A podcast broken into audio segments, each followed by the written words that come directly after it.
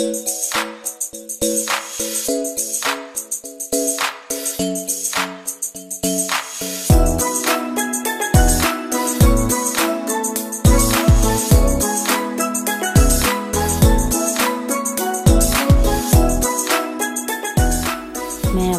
ben Beyza. Sizlere her güne bir kahve kitabından 60. pasajı okuyacağım.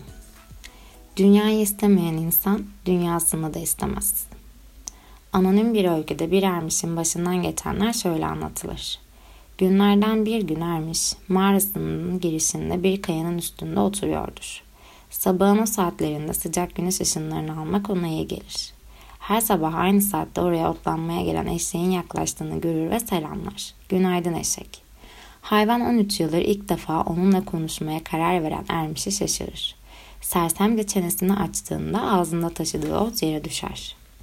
Günaydın Ermiş. Ne oldu da konuşmaya karar verdin? Ermiş ona artık zamanın geldiğini söyleyerek yanıt verir.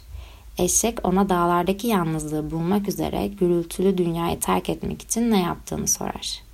Ermiş ona doğduğu yerde büyük sorumlulukları olan bir iş yaptığını ama en büyük zorluğu dünyadan soyutlanarak yaşamayı seçtiğini söyler. Yalan söylüyorsun der eşek. Dünyevi problemlerden uzak bir hayat sürmek, herkesi ve her şeyi anlamaktan çok daha kolay da ondan buradasın. Her zaman sersemlikle nitelendirilen bir hayvandan bu kelimeleri duyan ermiş, tecrit hayatını sonlandırır ve kendisini sınamak için medeniyete geri döner.''